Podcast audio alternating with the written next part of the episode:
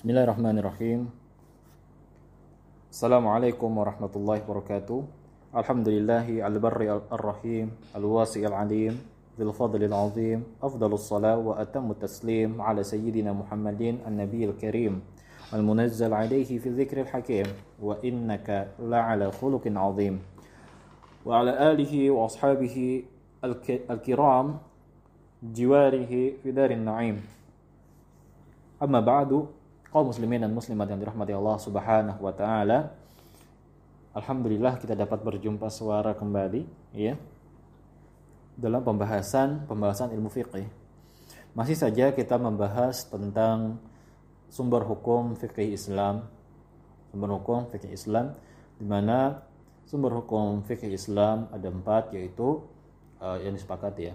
Ada empat yaitu Al-Quran, As-Sunnah, Ijma' dan dan Qiyas. Nah, Al-Quran dan As-Sunnah adalah sumber pokok ya.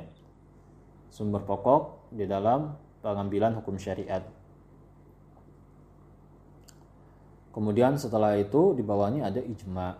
Dan selanjutnya adalah qiyas. Dan hal ini hari ini kita akan membahas hal tersebut ya. Insyaallah kita tidak akan terlalu panjang.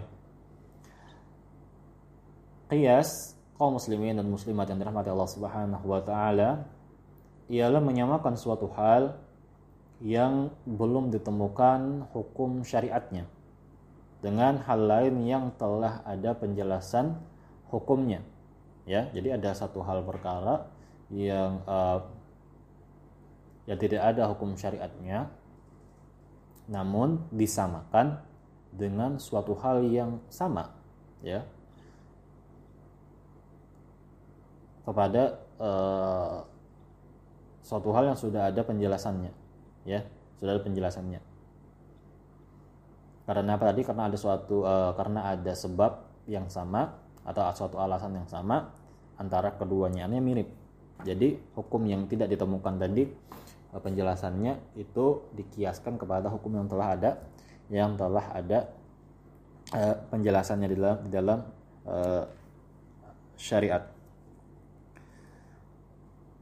Kias itu merupakan alternatif setelah kita tidak menemukan hukum atas suatu e, permasalahan baik di dalam Al-Qur'an, baik di dalam As-Sunnah maupun maupun ijma. Ya.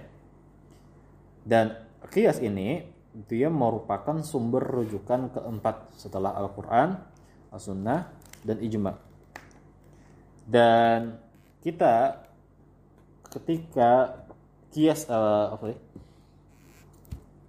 Kias dapat dilakukan apabila dia memenuhi empat rukun atau komponen. Ya, ini saya tidak membahas secara rinci, gambaran saja. Ya, karena kalau rinci panjang sekali ini. Sabar beraudio audio kita pertemuannya. Kias sendiri memiliki empat rukun. Ya. Yang pertama adanya fard. Adanya masalah yang dikiaskan kemudian ada osol ya. Masalah yang dijadikan rujukan kias. Ada masalah satu kemudian ada yang dijadikan rujukan. Masalah yang dijadikan rujukan ya. Kemudian adanya hukum dari asal ya. Dari asal kemudian adanya ilat. Adanya persamaan sebab ilat antara far dan uh, asal yang menghubungkan keduanya ini ya yang membuat keduanya ini sama dapat dikiaskan. Jadi ada empat itu empat rukun. Contoh kias adalah tentang masalah khamar. Allah Subhanahu wa taala dengan tegas ya mengharamkan khamar di dalam Al-Qur'an. Sebab keharamannya adalah e, karena khamar itu memabukkan. Allah Subhanahu wa taala berfirman ya ayyuhalladzina amanu innamal khamru ya wal maisiru wal maisiru wal ansabu wal azlamu rijsun min amali syaitan. Fajtanibuhu la'allakum wahai orang-orang yang beriman sesungguhnya meminum khamar berjudi ya e, berkorban untuk berhala mengundi nasib dengan anak panah adalah termasuk perbuatan syaitan. Ya maka jauhlah perbuatan-perbuatan itu agar kamu mendapat mendapat keberuntungan. Ya jadi khamar khamar di sini di sini uh, haram dan itu tegas disebutkan di dalam ayat tadi tentang keharaman keharaman khamar. Sebab khamar e, itu memabukkan. Sebab keharamannya adalah adalah karena khamar memabukkan ya. Yang dapat menghilangkan e, akal seseorang kesadaran sese seseorang. Oleh karena itu jika kita menemukan minuman lain ya meskipun namanya beda sebutannya beda ya eh, yakni bukan disebut khamar bukan disebut khamar karena khamar itu dikenal di negeri Timur Tengah Arab Saudi. Arab Saudi Arabia dan sekitarnya ya negeri-negeri Arab. Itu khamar mereka tahu ya. Tapi di negeri-negeri lain ya kita tidak menemukan namanya khamar. Yang kita temukan ada namanya whisky ada namanya bir ya ada namanya narkoba dan lain sebagainya ya. Nah hukumnya hukumnya bir whisky uh, jenis-jenis narkoba lainnya uh, ya. Itu memabukkan bukan? Maka dihukumi sebagaimana khamar ya. Maka jika kita menemukan uh, minuman dengan nama selain khamar tadi ya yang memabukkan maka hukumnya adalah haram ya. Karena itu dikiaskan atau dianalogikan ya disamakan dengan khamar hal ini disebabkan ada unsur keharaman yang sama yakni apa? Ya ini memabukkan uh, soju misalkan atau luat tuak ya tuak misalkan itu kan juga juga memabukkan ya. Maka hal itu berada uh, baik di minuman itu maupun di di khamar. Ya jadi haram dikiaskan dengan khamar minuman-minuman tersebut. Tayyip.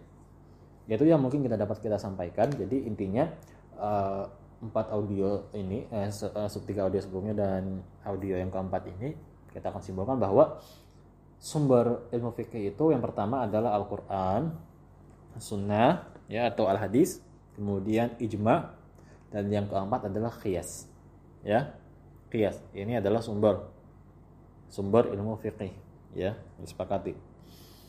Di mana Al-Qur'an dan Al-Hadis atau As-Sunnah dia adalah sumber pokok sumber asal berasal. Dan hadis yang dipakai adalah hadis yang sahih atau hadis yang hasan. Ya sahih dan hasan. Itu yang kita pakai. Bukan hadis dhaif dan hadis yang yang palsu apalagi palsu ya. Apalagi apalagi palsu. Makanya sekarang pentingnya kita mengetahui mana hadis-hadis hadis-hadis sahih, mana hadis-hadis palsu. Ya, karena banyak sekali orang-orang bermudah-mudah mempalsukan hadis. Uh, padahal Rasulullah padahal Rasulullah SAW bersabda man kadzaba alayya muta'ammidan falyatabawwa maq'adahu minan nar Rasulullah SAW barang siapa yang berdusta atas namaku maka hendaklah dia ya mempersiapkan tempat duduknya di neraka. Ini ancaman, bukan main-main. Ya, namun seseorang dengan mudahnya menyebarkan hadis palsu. Apabila masuk bulan A, bulan B, bulan C, muncul hadis palsu. Ya.